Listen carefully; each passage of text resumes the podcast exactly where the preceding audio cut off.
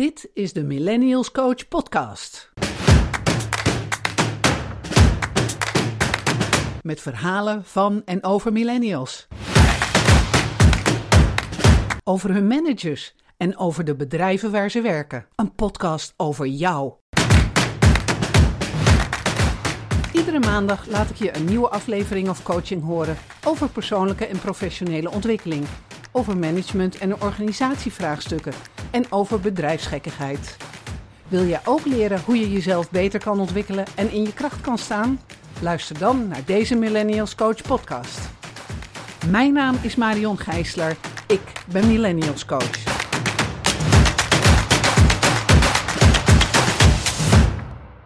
Hoe kom je als millennial aan een burn-out? Zo jong, zo talentvol en dan omvallen. Hoe dan? Ik praat met Grace Lucky Jansen over dit fenomeen. Het overkwam haarzelf en ze maakte er haar werk van. Daar vertelt ze over in deze aflevering. En ik ga met haar in gesprek over de rol van de werkgever slash de organisatie in dit proces. Veel luisterplezier met deze aflevering. Hi. Grace Jansen, Ja, met als tussennaam Lucky. Lucky, klopt. Wat prachtig, hebben je ouders die jou die tussennaam gegeven? Ja, ja. Wat geweldig. Is daar een verhaal achter? Ehm, nou, die tussennaam eigenlijk. Ik weet dat een eh, tante van mijn moeder ehm, heeft dat ook als tweede naam, als tussennaam. Ehm, ja, ik denk dat het gewoon standaard sowieso op hun lijstje stond van wanneer we een dochter krijgen, ja, wordt de tweede naam Lucky.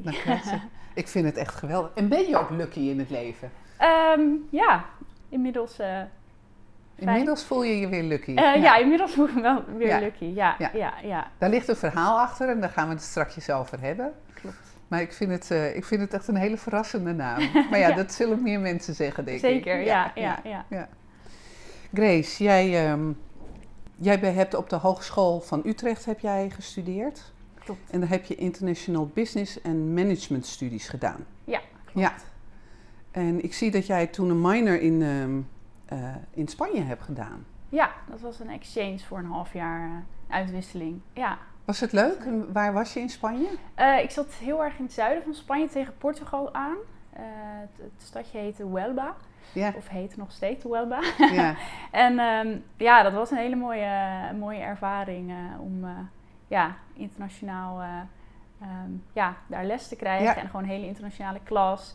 Ehm, nieuwe taal erbij. En ehm, ja, naast dat het gewoon de buitenlandervaring heel leuk was, was het natuurlijk ook heel eh, Ja. gezellig. Ja, ja, natuurlijk. Ja, je leert er heel veel van. Ja. ja, ja.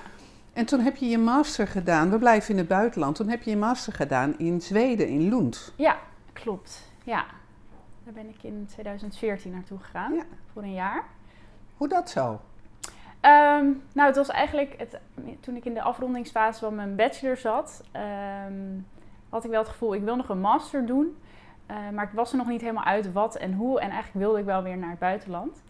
Ehm, en toen eh, ben ik eigenlijk een beetje online gaan kijken. En eigenlijk al vrij snel dat ik dacht, hmm, Zweden klinkt wel interessant. En ik, had, eh, ik heb best wel ja, tijdens mijn studie en daarvoor veel in Spanje en Italië gezeten. Dus ook veel onderweg daar veel Zweden tegengekomen eigenlijk. Dat ik dacht, nou, met die mensen kon ik het altijd wel goed vinden. En het lijkt me wel eens mooi om van Zuid-Europa is het de noorden te gaan ervaren. Ehm, en toen zag ik daar een hele interessante master ehm, voorbij komen. Dus daar ben ik, eh, heb ik me toen voor aangemeld. Jij hebt daar de master gedaan. Business Administration. Ja. Specialisatie Managing People, Knowledge and Change. Klopt. is wel Ja. een hele mond vol. ja, een hele mond vol, ja. Waar ging het over? Ja, het, eh, het was heel erg vanuit het, eh, ja, het, het people, het menselijke stuk eh, benaderd. Dus ehm, eh, human resource management kwam voorbij, verandermanagement, ehm, ja, culturen, maar dan echt binnen, binnen bedrijven, bedrijfsculturen. ehm. ja, dus eigenlijk ja, een hele mond vol, maar eigenlijk wel letterlijk hoe manage je mensen, kennis en verandering. Hoe ga je daarmee om eh, binnen het bedrijfsleven? Dat is natuurlijk altijd aan de orde. Die drie dingen is Ja. altijd aan de orde. Ja, zeker. Ja, ja. Ja, ja. mooi. eh, ja, hele... en toen kwam, je, toen kwam je terug uit Zweden. Ja. En toen ben je weer naar school gegaan? Ehm, Dus- Nee, niet direct. Toen ben ik wel eerst, eh, ja, toen ben ik teruggekomen en toen eh, ben ik op banenjacht gegaan. Ja, ja. Ehm, en ehm, toen ben ik uiteindelijk bij EY, Ernst Jong, terechtgekomen. Daar had ik tijdens mijn studie in Zweden had ik daar al mijn scriptie voor geschreven. En ehm, ja, wel een goede, fijne ervaring mee. Dus uiteindelijk zag ik daar facturen voorbij komen voor een stage in eerste instantie. Ehm, binnen, binnen recruitment, binnen HR. Mhm. En ik was namelijk, ik zat tijdens mijn studie heel erg dat ik dacht, ja, wil ik meer de consulting kant op? Wil ik meer HR kant op? Uh, en nou ja, deze stage leek me eigenlijk een mooie kans om binnen zo'n bedrijf te kijken van, ja, ligt HR me? Of zijn er mogelijkheden om misschien binnen het bedrijf uiteindelijk stappen richting consulting te zetten? Ja. Dus zo ben ik daar uh, binnengekomen. Ja. En toen, er staat toch weer dat je naar school ging. Klopt, ja. ja. toen ben ik op een gegeven moment aan, uh, ik heb een half jaar stage gelopen binnen HR. En nou, ik merkte dat dat het niet helemaal voor me was. Dus toen ben ik intern verder gesprekken gaan voeren. En toen ben ik op, binnen consulting terechtgekomen. Um, binnen de risk management tak. Um, dus dat was iets heel anders dan waar ik vandaan kwam uit het menselijke verandermanagement. Um, maar goed, daar had ik wel echt een klik met, met de mensen. En um, nou ja, ook daar binnen risicomanagement heb je wat softere elementen. Ook rondom uh, cultuur en de mensen en uh, veranderingen. Dus toen ben ik daar uiteindelijk uh, begonnen als consultant. En toen eigenlijk denk na ongeveer een jaar ben ik inderdaad weer gestart met een studie. want ja, ze motiveren je daar heel erg om nog een vervolgstudie te doen, een postmaster of een andere master. Of nou, om weer verdere verdieping met bepaalde ehm, ja, gebieden te krijgen. En ja, omdat ik dus een beetje uit de wat vanuit mijn master een beetje dat, zeg maar, de softere kant kwam, het menselijk stuk verandermanagement. En ik zat op wel een wat ja, hardere omgeving qua risicomanagement, toch ook veel met mensen die een, ja, financiële rollen hadden. Dat ik dacht, hm, misschien is het handig om dat aan te vullen met een meer financiële studie. En toen ben ik uh, de, de ja, registercontroleopleiding gaan doen aan de VU. Dapper hoor. Zit heel anders. Zit niet, zit niet in mijn skillset. Ik ben blij dat andere mensen dat leuk vinden. Ja. Ja. ja. Dus toen, je hebt uh, vier jaar bij Ernst Jong gewerkt. Ja, ik heb vier jaar daar toen als consultant gewerkt. En um, toen deed ik daarna dus de, ja, die studie daarnaast. Dus ging ik vier dagen werkte ik en op vrijdag uh, zat ik weer in de, in de schoolbanken op de VU. Ja. Um, ja, en... Um, Hoe ging het toen? Ja, toen uh, ging het uh, op een gegeven moment niet helemaal de goede kant op. Want ja, naast dat ik um, vier dagen werkte en een dag naar school ging, was ik in de avonden ja, of nog aan het werk of met studie bezig. En ik ja, deed ook uh, veel opdrachten in, in het buitenland. Dus ik vloog ook heel vaak op maandag naar Londen en dan op donderdagavond weer terug. Um, en dan tussendoor nog een beetje het sociale leven bijhouden, op vakantie willen, um, ja, iedereen blijven zien en mijn studie halen en goed werk leveren, dat, dat brak me op een gegeven moment op. Ja. Hoe oud was je toen? Uh, toen was ik 28. Okay. Ja, ja, toen ben ik um, eind 2018 op een gegeven moment, ja, zeg maar, letterlijk omgevallen. Ja. Uh, en toen, ja. Hoe oud ben je nu? Ik ben nu 31. Ja. ja. En je zei van het brak me op een gegeven moment op. Hoe, hoe brak het je op? Um, nou, op een gegeven moment was het zo dat ik in een weekend. Um, ja, was ik, uh, ik was naar de museumnacht in Amsterdam. En op een gegeven moment. Ik was nog niet zo heel lang. Alles vloog me aan. En ik werd niet goed en duizelig. En ik dacht, ik moet hier weg. Ik moet nu naar huis. En toen ben ik eigenlijk. Um, ja, heb ik echt een week lang op bed gelegen. Alleen maar geslapen. En gedurende die week dacht ik, oké, hier is meer aan de hand. Want ik was verder niet ziek op dat moment. Ik was gewoon zo uitgeput. Um, ja, en toen ben ik eigenlijk het gesprek aangegaan na die week op werk. Van, zo gaat dit niet langer. Um, en toen hebben we afgesproken van, ga maar een dag minder werken even. Maar wat zei ze op het werk? Nou, Dan komt er zo'n jong, zo'n jong, talentvol iemand, komt er langs jongens, het gaat niet goed met mij. Ik heb een week geslapen. Uh, um, en hoe reageerden ze? Nou, ze waren heel erg geschrokken. Um, en eigenlijk hadden zij al eerder zien aankomen dat het niet goed met mij ging dan ik zelf. Oké. Okay. Um, dus eigenlijk waren ze wel heel begripvol en ehm, ja, ze luisterden eigenlijk direct van, goh, hoe kunnen we inderdaad naar een oplossing zoeken. Ehm, en wat hadden ze gezien aan je? Nou ja, dat ik steeds, um, ja, steeds onrustiger, gestrester overkwam. Um, en binnen zeg maar, het subteam waar ik onder viel, daar ja, waren al andere mensen uitgevallen. En ja, ik had daar op een gegeven moment rollen overgenomen ver boven mijn, mijn rang, mijn niveau, om het zo maar te zeggen. Dus ik, ik was aan het proberen alle ballen hoog te houden. Wat voor leidinggevende natuurlijk aan de ene kant heel mooi was. Um, maar ja, veel te veel was. en wat hebben ze eraan gedaan om jou daarin te stoppen? Ja, ze hebben, ja, bijvoorbeeld mijn counselor uh, die mij begeleidde, die, die, die gaf wel inderdaad, die vroeg daar af en toe wel naar van, um, uh, ja, hoe gaat het? Of ja, het ging wel het gesprek aan, maar ik moet zeggen dat ik zelf op dat moment dat niet wilde zien. En ik voelde dat ook niet zo. En ja, dan kunnen mensen om, om je heen heel veel, ja, met heel veel herrie en alarmbellen zeggen: het gaat niet goed met je. Of, of, of vraag: gaat het wel goed met je? Maar zolang je dat zelf nog niet ziet of er bewust van bent, kunnen zij daar verder ook.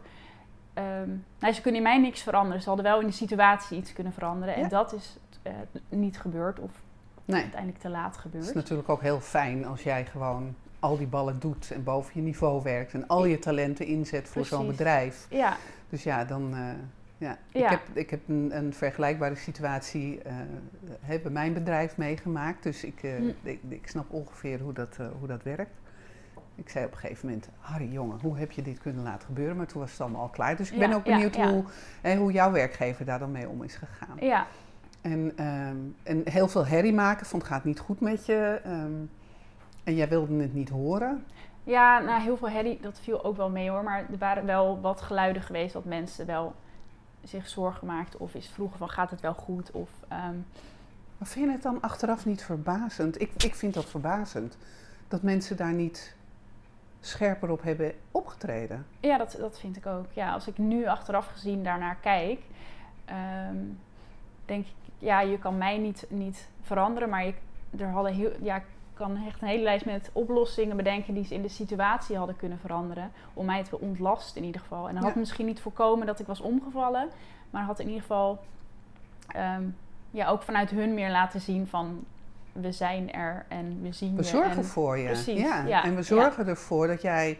Want als je zo jong bent en talentvol, hè, zoals, jij, zoals jij bent, en je gaat heel hard werken, ja, dan neem je veel te veel dingen op je nek zonder dat je weet wat daar het resultaat van is. Klopt. En de mensen, he, verschil in generaties weer, ervaring, uh, oudere mensen, die kunnen dat wel bedenken. Ja, dus ik denk dan van die hebben een, een verantwoordelijkheid naar jongere, minder, minder ervaren werknemers toe, om dat te voorkomen. Ja. Dat denk ik echt. Mm ik, ik, weet ook dat het moeilijk is, want ik, ik, heb er, ik, ik zat ernaast en ik stond erbij en ik keek ernaar en ineens was het uh, ook gebeurd. Dus ik weet dat het moeilijk is. Ja.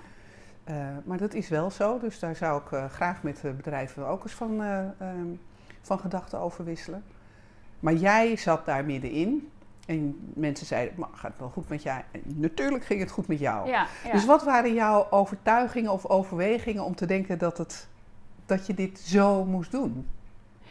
Nou, ik, ik zocht alles bij mezelf, zeg maar. Ik, ik zat ja, dus in een subteam waar het allemaal niet helemaal lekker liep. Er waren al mensen uitgevallen.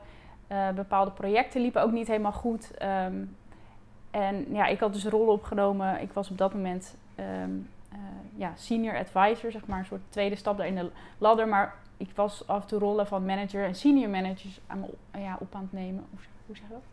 Uh, die rol pakte ik. Ja. Om maar dingen door te laten draaien. Want het, het moest doorgaan en ik nam al die verantwoordelijkheid. En als het dan niet lukte, dacht ik, ja, maar dat ligt aan mij. Ja, maar ik doe dit niet goed. En Um, maar waarom moest het doorgaan? Vanuit welk idee vond je dat het moest doorgaan? Ja, het mocht niet falen. Um, en ik wist hoeveel tijd en moeite andere mensen er ook al in gestoken hadden. Um, ja, het was ik, ja, een bepaalde ja, angst om te falen zelf ook. Maar ook een bepaalde, denk ik, misschien ook een bewijsdrang die er in zat. Um,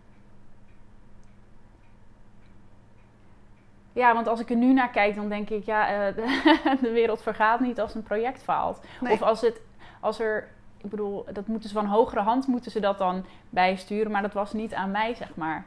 Ehm, en ja, ik was een persoon die niet, ook niet om hulp vroeg. Dat durfde ik ook niet, om hulp te vragen. Want ja, dat, ja dan zal ik wel niet goed genoeg doen. Of uh, ja, maar een ander kan dit vast wel. Of uh, dus ook continu twijfel mezelf. Ja, dus wat was de overweging om... Hey, ik, ik snap het en uh, um, uh, je wil je graag bewijzen. Hè, wat ik van millennials ook veel hoor. Dus je wil impact maken.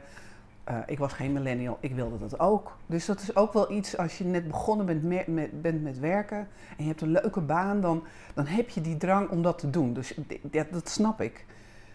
Maar en, en, dat zeg je ook mooi en dat hoor ik je ook doen. Je betrekt het op jezelf. Van ja, ik vond dat ik het doen moest. En je meet jezelf af aan de buitenwereld. Mhm. Maar was er dan nergens een moment dat je dacht van... Dat, dat, dat je dat ging relativeren of daar vraagtekens bij zetten? Door, door, door, door, door, knap. Ja, dat, dat zo is het echt letterlijk gegaan. Ja, want op een gegeven moment merkte ik...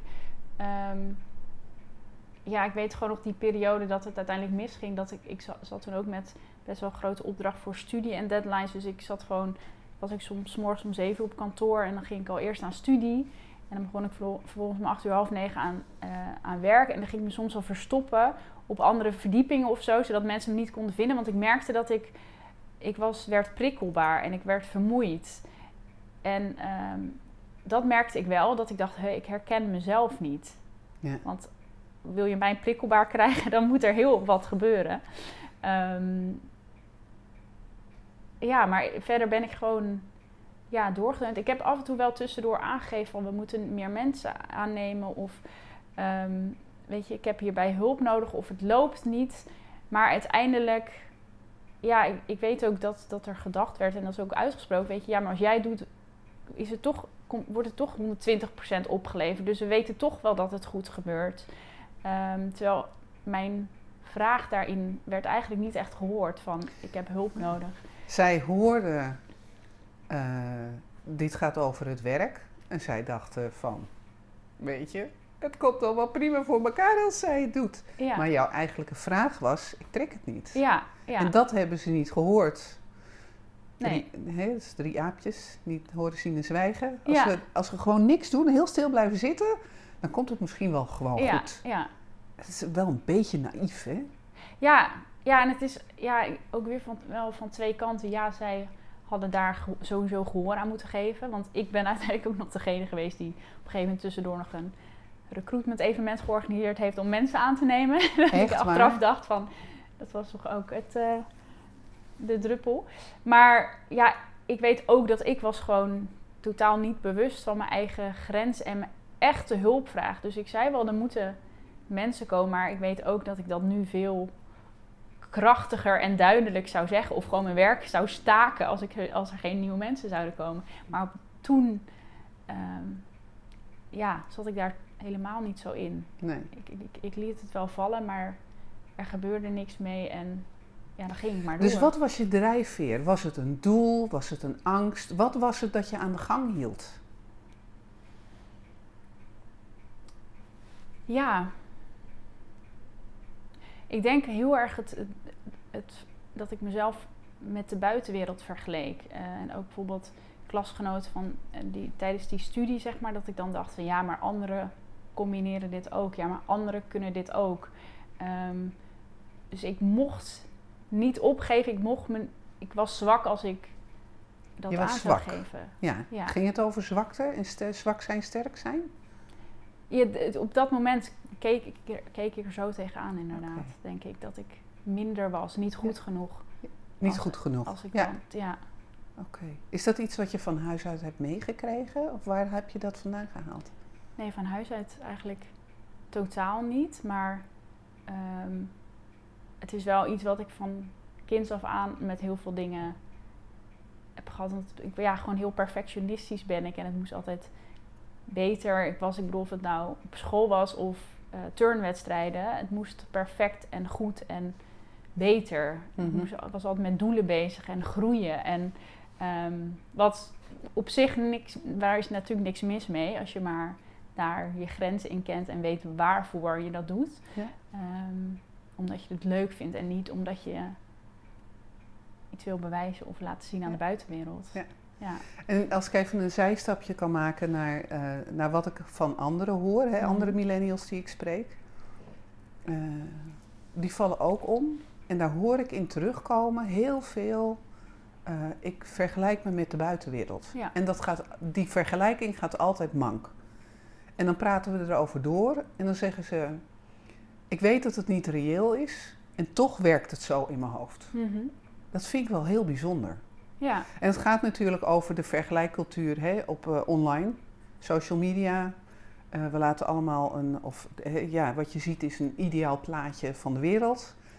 Heb ik een ideaal plaatje van de wereld? Nee, want ik heb ook wel eens een rotdag, weet je wel. Maar dat laten we niet zien. Nee, Dus de, de, de, de balans is daar een beetje in weg. ja, volledig, ja. En wat me dan zo verbaast, is dat mensen niet die relativering kunnen vinden om daar in, evenwicht te blijven. Wat, wat is jouw idee daarover? Ja, ik denk dat het al gewoon ehm, hoe wij zijn opgegroeid in die tijd, dat het, dat het daar misschien al ehm, begint. Eh, ik bedoel, het was een tijd dat het op zich allemaal eh, goed ging. Eh, weet je, je kon naar school en als je ergens niet goed in was op school, dan, dan kreeg je daar hulp in. En er was een leenstelsel, dus je kon allemaal gaan studeren. Ehm, dus in, indirect, onbewust was daar misschien al een bepaalde druk van... Ja, niets houdt jou ehm, tegen. Dus weet je, je, je hebt genoeg mogelijkheden, dus daar, daar, daar ga je ook voor. Maar in die weg, waar je allemaal dan misschien een beetje zoekt naar... Oké, hoe kan ik ehm, succesvol worden of ehm, veel geld verdienen... of eh, zorgen dat het allemaal goed afgaat... ben je natuurlijk ook, ja, ik denk van kind af aan continu aan het kijken met... Ja, maar hoe doet hij het, hoe doet zij het? Ik bedoel, het hele schoolsysteem is ook zo gebouwd met... Oh, oh je hebt het niet goed gedaan, je krijgt een... eh, een 6 en oh, jij bent zo slim, je hebt een 10. En daarin heb je natuurlijk al continu dat je vergeleken wordt met elkaar. Ja, en in, dat zeg je goed. In schoolstelsel is dat natuurlijk zo. Jij hebt een 10 en ik heb een 6. In mijn tijd werden nog cijferlijsten opgelezen. En dan begon je bovenaan. Ja. En hoe langer het duurde, hoe slechter je was. Ja, ja. Dus dat werd eh, op een andere manier in de hand gewerkt. Dus ja, dat idee is natuurlijk dat is niet nieuw. Nee, dat is niet nieuw. Nee, Nee. nee maar daar, daarin misschien wel dat... ehm, eh, kijk, de mogelijkheden zijn ook oneindig. En ook zeg maar in de tijd dat wij gingen studeren... eh, weet je, ja, als je even misschien je ouders net... Oké, wat geld achterhand hebben, kon je misschien ook even naar het buitenland. Eh, studiekeuzes zijn oneindig. Ehm, en daarin, ja, ik denk dat. En er kwam ook nog eens de mobiele telefoon erbij. Dat je ook continu alles van elkaar ziet en hoort. Ehm, dus in plaats van naar binnen te gaan en te voelen wie ben ik, wat wil ik, ben je continu met, een, ja, met de buitenwereld bezig van ja, wat zijn zij aan het doen en ehm, ja, hoe vaak wordt er dan wel, werd er dan ook wel niet gezegd of in ieder geval oh, eh, of ja, meer ook bijvoorbeeld tijdens mijn studie als ik goede cijfers haalde of een studie had af, afgerond, weet je, mensen om je heen van oh nou goed, ah, jij komt wel heel met dat, die achtergrond en dat diploma, maar dat ging allemaal om eh, het geluk zoeken buiten je eigenlijk ook. Ehm, en, en, maar dat werd heel erg aangemoedigd. Ja. En dat was misschien ook eh, vroeger wel al zo, maar ik denk ook met en dan ook nog eens online dat van elkaar allemaal zien en De mooie verhalen. mooie ja, precies. verhalen Ja. en, en Ja. ehm, Ja. ja. Ja. Dus als we teruggaan naar jij zat daar en het ging niet goed met jou en je had een week geslapen en je kwam op kantoor van jongens het gaat niet goed met mij. Hoe ging het van daaraf verder? Ehm, nou, toen hebben we afgesproken dat ik een, even een dag minder ging werken. Zodat ik één dag per week had voor mezelf. Dus dan mocht ik niet aan werken, niet aan studie. Ehm, dat heb ik drie weken volgehouden. Oké. En in week drie, ehm, ja, op een gegeven moment, ik weet nog heel goed op één dag. eh, ja, ik had dus klanten in Engeland, dus heel veel ging via de telefoon en calls en online meetings. En op een gegeven moment, het vloog me helemaal aan. Ik kon het niet meer overzien en vaak vanuit, zeg maar, ons team eh eh, begeleiding, hoe zeg je dat? Deed ik dan het woord in die calls en deed ik de updates, maar het, het vloog me allemaal aan. En ik was ondertussen iemand anders aan het inwerken en het kon gewoon niet meer, ik kon niet meer denken. Ik werd paniekerig. Ik helemaal overstuur. En ja, toen eh, was het eh, klaar. En wat gebeurde er toen? Toen was het klaar? Wat, moest je naar huis? Viel nou ja, stil? toen, toen ben ik naar een collega gegaan die ehm, zelf aan het reïntegreren was na een burn-out. En ehm, ja, die zei, Grace gaat nu naar huis toe. Toen ben ik ook naar huis gegaan en ehm, ja, toen eh, kreeg ik van de bedrijfsarts advies van, nou, dat was toen vlak voor kerst, blijf een paar weken tot kerst eh, maar even thuis, je moet even opladen. Ehm nou ja, en toen bleek eigenlijk dat het eh, niet even opladen was. Nee. Hoe lang ben je eruit geweest? Ehm, ik denk dat ik in totaal vijf maanden eruit ben geweest. Valt nog mee, eerlijk Ja, gezegd. achteraf gezien Ja? ben ik misschien te snel weer ehm, stapjes gaan zetten. En toen ben ik daarna heel langzaam ehm, gaan opbouwen. Ja. Ehm, wel echt eerst met twee keer twee uur per week. En nou ja, twee keer drie uur. Zo heel langzaam, stap voor stap. En toen was je weer volledig inzetbaar. Wat altijd een beetje een fragiel evenwicht is natuurlijk aan de randjes. Eh, ging je toen gewoon weer aan het werk? Nee, ik, ik ben eigenlijk ik ben toen gaan reïntegreren op mijn eigen afdeling. En toen na een paar maanden ehm, ja, ging dat eigenlijk gewoon niet meer. Want ik merkte een soort terugval. Niet dat ik weer helemaal thuis kwam te zitten, maar wel dat mijn urenopbouw stagneerde. En ehm, ja, ik ging weer met heel veel stress naar werk toe. En ik dacht alleen maar, ik wil hier niet zijn. Wat doe ik hier? En het boeit me allemaal niet. En, ehm, maar ik had nog steeds ergens in mijn hoofd toch nog die bewijsdrang van... ja, maar het moet hier lukken.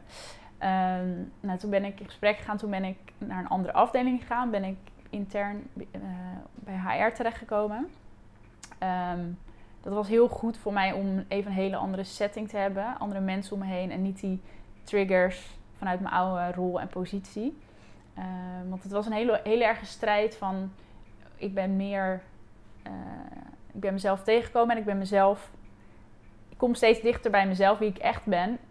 Maar de mensen in mijn oude team kennen mij op een andere manier. En dat was heel lastig om mezelf daar sterk neer te zetten. Vooral omdat ik nog aan het herstellen was.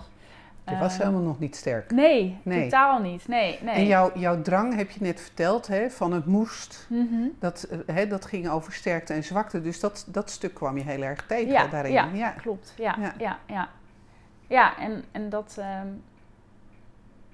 ja, dus het was ook wel een stap eh, dat ik naar een andere afdeling ging voor mijn, voor mijn ego. Ehm, maar dat was wel goed, want ik zat opeens ook... Ik ging van best wel mannenafdeling, zat ik opeens met allemaal vrouwen. En eh, ik kon ook gewoon even met hele andere dingen eh, bezig zijn. Ik kreeg meer bewaakte projectjes. Ehm, Even, dat hebben ze nu en dan, dat valt mij dan altijd op als je met vrouwen werkt. Dan heb je het ineens over make-up en schoenen en. Dan heb je het over vrouwendingen. Dat vind ik dan altijd zo boeiend. Ja, ja, dat was even een hele andere setting. eh, ja. Ja, opeens. Maar het wel, het- ik voelde me daar wel veel veiliger. En dat had ik echt nodig op dat moment. wat fijn. Eh, dus dat was wel heel goed. Ehm, ja, en eigenlijk toen heb ik dat een paar maanden gedaan. Maar eigenlijk werd mijn gevoel steeds sterker van... Ja, ik wil hier gewoon niet meer zijn. Gewoon überhaupt in dit gebouw niet. En, en zeg maar die hele sterke identiteit die ik had... eh, toen ik daar kwam werken en de eerste paar jaar die ik daar ehm, toen ontwikkeld heb, die, die bestond niet meer.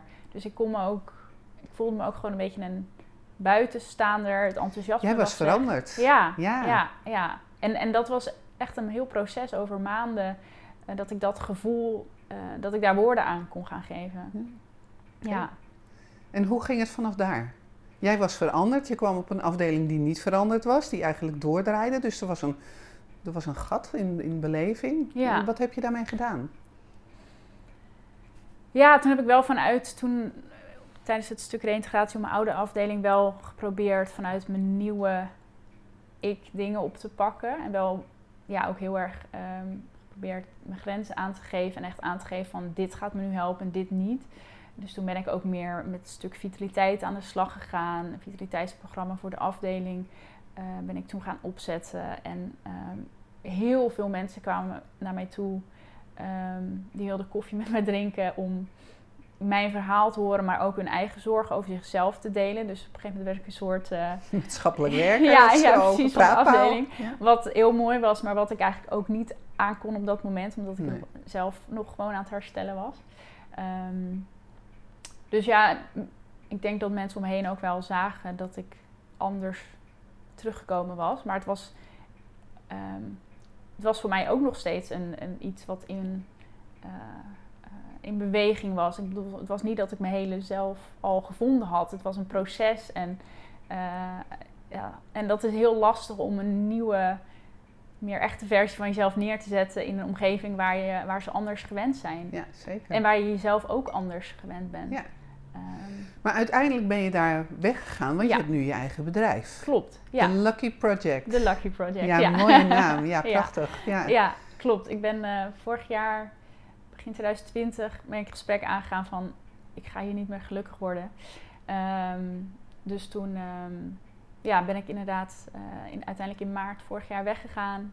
En toen, um, ja, gaan we denken, wat wil ik, wat wil ik dan doen? Uh, je bent gewoon koud weggegaan. Dit wordt hem niet, wegwezen. Klopt, ja. Oké. Ja, ja, ja, Dat, dat was zo'n sterk gevoel op een gegeven moment. Ik moet hier weg. Wat wel weet ik ook niet, maar ik moet hier weg. Ja. Dat vind ik ook zo mooi. Dat doen millennials. Die gaan gewoon weg en dan gaan ze nadenken over over wat er dan moet. Andere generaties die doen eerst andere dingen uh, zeker stellen of ontwikkelen en dan gaan ze weg. Ja, nou goed, ik had ook echt wel wat dingen zeker gesteld. Ehm, ehm, maar nee, het was wel op een gegeven moment... Ik stond zo in verbinding op een gegeven moment met, met mijn eigen gevoel... dat ik daar dat ook niet meer kon nee. negeren. Nee. Uh, en als ik dat wel had gedaan, had ik denk weer omgevallen. Um, uh, dus het was ja, een hele ja. goede beslissing. En toen, ja, toen ben ik inderdaad ik wist wel dat ik gewoon meer met mensen wilde werken. Ik ben altijd wel gewoon mensen-mens geweest. En ook, ja, ondanks misschien meer mijn analytische uh, rol die ik had, was ik wel ook altijd met het team bezig. En altijd, weet je, een beetje voor de harmonie zorgen en mensen verbinden. En, um, en ik wilde, ja, ik wist sowieso dat ik iets bij, wil, echt wilde bijdragen aan de wereld. Um, ja, en dat, uh, was op een gegeven moment even een, een, een zoektocht, maar het werd steeds helderder dat ik uh, ja, eigenlijk zelf mensen, eigenlijk millennials, young professionals wil, wilde gaan helpen met dezelfde uh uitdagingen. Ja. ja. Ja. En hoe heb je die mensen gevonden? Want was er eerst je bedrijf of waren er eerst andere mensen die gingen helpen? Hoe is dat proces gegaan? Um, nou, het is wel altijd geweest dat ik ja, mensen ook om me heen wel, uh, familie, vrienden wel vaak als er iets was, dat ze al mij zochten, zeg maar, om eh, het gesprek aan te gaan of zo. Dat iedereen wel altijd gewoon zich veilig voelde om dingen met mij te delen en te bespreken. Dus dat is er altijd wel, wel geweest eigenlijk. Uh, en het was eigenlijk meer dat mensen om me heen begonnen te zeggen van... volgens mij moet jij zelf coach gaan worden. Uh, want toen was eerst nog het stemmetje in mijn hoofd van ja, maar er zijn nog zoveel coaches en ja, maar anderen kunnen het beter en hè, uh, allemaal. Uh... maar dat is altijd waar. Ja, maar dat is altijd waar. Dat gaat ook nooit weg. Klopt. Nee, nee, nee. En toen, ja, op een gegeven moment ben ik, um, ja, heb ik een coach gezocht. Het was een coachingsprogramma met andere vrouwen, omdat ik dacht ik wil echt gewoon stappen gaan zetten.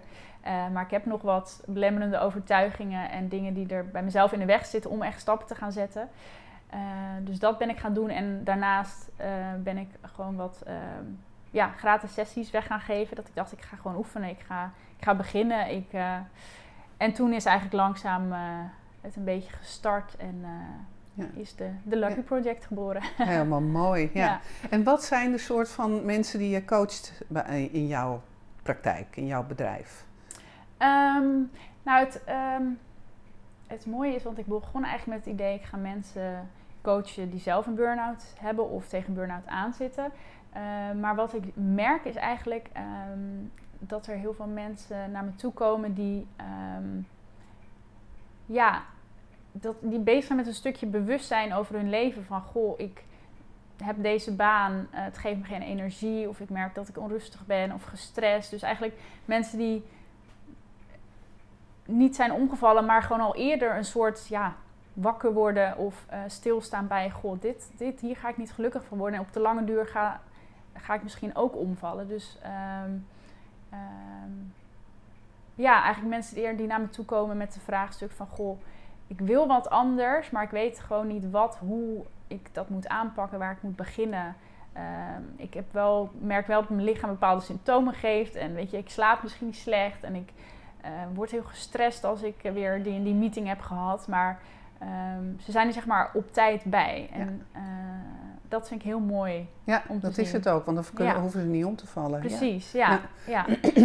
En we hebben de- gedurende dit gesprek hebben we een aantal onderwerpen eh, eh, langs laten komen van de millennials en hoe ze tegen het leven, in het leven staan. En wat herken jij daarvan? Zijn daar, is daar een rode draad in te vinden, hè, het vergelijken met anderen bijvoorbeeld? Of zijn er nog andere dingen waarvan jij zegt, van, oh ja, dat, dat zie ik veel terugkomen? Ehm, nou, ik denk inderdaad dat we het veel al besproken hebben. Gewoon misschien een beetje ja, de tijd waar we uitkomen. Dat ja, gewoon alles kon. En ja, ja, je ging toch sowieso studeren, dat. Eh, ja, de sociale media, de mobiele telefoon. Het altijd maar, ja, ik denk een groot onderdeel daarvan is niet eens misschien alleen het zien van elkaar wat je doet. Maar ook gewoon het altijd aanstaan. 24-7 bereikbaar. En dan zowel voor werk, maar ook sociaal. Van, oh, heb je niet op een appje gereageerd? Weet Ja. je, dat, dat soort dingen. En daarnaast, ja, de mogelijkheden qua, qua reizen, maar ook, ja, dat is nu natuurlijk allemaal wat minder, maar ook festivals eh, en dingen er om je heen zien op weer die social media, wat iedereen doet. Dus die fear of missing out en de FOMO. Ehm, want stel je voor dat je een keer zegt, ik heb dit weekend geen plannen. Nou, ehm, wie Hoezo? ben jij? Precies, ja. En dat is natuurlijk nu, denk ik, eh, in deze coronatijd dat we daar wel anders naar gaan gaan kijken. Maar ook dat, denk ik. En ehm, ja, daar, en dat maakt ook dat we, denk ik, een soort overprikkeld worden door... want als, we kunnen niet meer niks doen. Op de bank zitten 10 minuten zonder telefoon, zonder tv aan, zonder laptop. Ehm, ja, altijd maar ja, aanstaan inderdaad. En, en. Maar niet, vooral niet met jezelf zijn en niet voelen en niet Nee. alleen zijn. En, Ja. ehm, Ja. ja. Even te denken of er nog andere aspecten zijn. Zijn er nog andere dingen waarvan jij denkt van dat is belangrijk om te benoemen? Ehm, ja, ik denk ook nog wel een element ehm, ehm, voor millennials, wat ook weer even eh, terug te pakken naar inderdaad ehm, een soort die, die bewijsdrang en het moet eh, beter, meer. Ik denk ook wel eh, dat dat te maken kan hebben met het feit dat inderdaad, wat we al even zeiden van we hebben, we hadden allemaal bijna de mogelijkheid om te studeren. We zijn misschien wel de meest hoogopgeleide generatie eh, tot nu toe. Maar dat maakt ook dat als je ergens binnen wil komen, ja, waarom ben jij beter dan de ander? Dus daar is dan ook al een soort competitie van. Maar waardoor onderscheid je jezelf dan? Als je alleen maar je studie hebt afgerond, Ja, ja, kun je nog zo'n leuk persoon zijn, maar als het niet op je papiertje staat, ehm, eh, ja, hoe wil jij binnenkomen voor jouw tien anderen of misschien wel duizend anderen in sommige gevallen bij sommige bedrijven? Eh, dus ik denk dat daar ook wel een bepaalde druk, eh, Ja. ja, ehm, ja, wat een bepaalde druk met zich meebrengt. Ja, ik, heb dat, ik heb dat gesprek ook wel vaak. En wat ik, wat, wat ik probeer met, eh, met, met millennials of met mensen die ik coach, probeer ik te doen, is wat is je eigen kracht? Mhm. Waar kan je zelf van uitgaan? Want eh, we hebben net gezegd van die competitie die gaat niet weg. En dat is ook zo. Maar wat breng jij nou mee als persoon, weet Ja. je wel? Eh, wat is de reden? En dan hoop ik altijd dat bedrijven daar ook naar gaan vragen. Ja, Ehm, ik zie veel cv's op het ogenblik, want ik zit in een loopbaancoaching traject. En dan heb ik het veel met mensen, oké, wat staat er nou op? En wat Mhm. betekent dat nou? En dan denk ik ook, hoe zou een bedrijf hier naar kijken? Weet je wel, want je krijgt een bepaald persoon binnen. Want Ja. jij bent iemand anders als je buurman Mhm. en jij neemt andere kwaliteiten mee. En misschien heb je wel een hele goede reden om niks op je cv te hebben staan behalve opleiding. ja. Dus wat zit daarachter? Dus ik hoop dat mensen daarop doorvragen. Ja, maar dan moet je er wel al überhaupt tussen de filtering doorkomen dat je dat ze je cv bekijken of, of, of je brief lezen inderdaad bij sommige bedrijven. Dus dat is wel, ehm, ja. Ja, en, en ik denk ook het stukje ehm, eh, waarom ook de burn-out gevallen bij millennials zo hoog is. Ik denk ook, ehm, dat wordt soms wel eens negatief neergezet van ja, ze willen allemaal impact maken of eh, eh, ze gaan niet goed op eh, autoriteit. Of, eh, ehm, maar ik denk dat daar ook ehm, mooie dingen in zitten van ja, een bepaalde zoek naar zingeving, purpose. Van Ja. waarom doe ik dit en waarom. En nee, je kan me een leaseauto geven, maar ik heb liever tien extra vakantiedagen, want er is meer dan alleen maar werken. Ehm, en daar ja, zit soms een beetje een, een, een gap qua tussen de generaties van het begrijpen van wat de ander nou echt drijft. Precies. Ja. ja. ja. En ik hoop graag in, uh, in gesprek te komen met bedrijven die dat gat ook willen dichten. Want het is zo eenvoudig om het te doen, weet je. Ja. Praat eens met elkaar, dan kom je erachter. Ja, ja. Dus het is, in mijn beleving is het heel eenvoudig om het op te lossen. Ja, ja. ja. Wat, zou Jij, wat zou jij de millennials die jij, uh, of misschien, nou laten we met de millennials beginnen. Wat zou jij de millennials willen aanraden? Mensen die nu zitten te luisteren. Um, nou, wat ik zou willen zeggen. Um, check eens bij jezelf in. En misschien niet één keer, maar maak daar een gewoonte van. van um, als je je cv even loslaat, wie, wie ben ik nou echt als persoon en wie wil ik zijn? Um, in plaats van zeg maar je af te meten aan alleen maar wat je om je heen ziet, maar wie ben jij en wat is voor jou belangrijk? Um, want als, als jij jezelf goed kent en weet wat je waarden zijn, dan kun je ook beter je grenzen aangeven en betere keuzes maken. En uh, dat is misschien uh, easier said than done, maar um, dat kan een mooie eerste stap zijn om daar eens bewust over na te denken. Ja. ja. Ervan uitgaande dat ze dat niet doen en te ja, weinig doen. Ja, en, dat, ja. en ik herken het, ik zie het gebeuren. Als je jong bent, dan doe je gewoon, je weet het nog niet. Ik krijg heel vaak de opmerking: ik weet het nog niet, help mij om het te weten. En dan, ja, weet je. Dus als je het niet weet, dan doe je maar wat. En dan kom je per ongeluk ergens terecht. En wat jij eigenlijk zegt, als ik het goed beluister, is van wees je er meer bewust van, van wat je doet. Binnen datgene wat je niet weet, wat weet je wel? Ja. En wat kan je wel sturen of hoe kan je jezelf wel helpen door dat te weten? Ja, zeker. Ja, ja. ja. ja want in, in die end, het is ook het is niet erg om te falen. Um, en ik bedoel, hoe ik nu ook naar mijn eigen burn-out kijk, is het een cadeautje geweest. Uh, en dat klinkt heel gek als je er in, net in zit of misschien als buitenstaander naar kijkt. Maar uh, het heeft me zoveel gebracht. Uh, en vooral terug bij mezelf gebracht. Ja, wat fijn. Ja, ja. geluk bij een ongeluk. Ja, ja, ja. ja. Wat zou jij willen aanraden aan bedrijven die met jonge, talentvolle millennials, jonge, talentvolle mensen werken? Wat zou je hun willen aanraden om dit te voorkomen?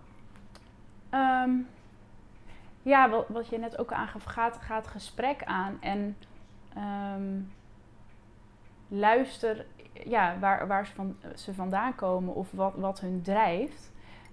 Um, en ja, ik zie het zelf heel erg dat er gewoon een hele systeem systeemverschuiving gaande is. Dat is misschien iets voor een volgend gesprek. Maar um, in plaats van zeg maar te kijken naar wat, wat botst er of wat begrijpen we niet van elkaar. Um, wat zijn bottomline de, dezelfde dingen die ons drijven of waar we naartoe willen? Welke gezamenlijke purpose kunnen we vinden? En hoe kunnen we dan ja, gezamenlijk allemaal onze eigen kwaliteit inzetten om ja, naar die purpose, naar dat doel dat gezamenlijke punt toe te werken. Ja. Want samen ben je sterker dan in je eentje. Precies, ja. Ja, ja. ja. mooi. Heer, heer. Ik kan niet anders doen dan het met je eens zijn. mooi. Grace, ik wil het hierbij uh, afsluiten. Ik wil je heel hartelijk bedanken voor je tijd. Ik vond het echt ongelooflijk leuk en fijn om te leren hoe jij uh, ja, er bovenop bent gekomen en veel hebt geleerd. Ja. Ik vind het echt uh, bewonderenswaardig hoe je dat gedaan hebt. Dus dank voor je tijd. Ja, leuk. Jij ook bedankt. Mijn naam is Marion Gijsler. Ik ben Millennials Coach. Ik help millennials te stralen bij de bedrijven waar ze werken. En ik help de bedrijven om de millennials die ze in dienst hebben of willen hebben te boeien en te binden en optimaal de ruimte te geven als volgende generatie in de organisatie. Ik nodig je uit om daar een goed gesprek met mij over te hebben. Ga naar millennialscoach.nl en neem contact met me op. Tot snel.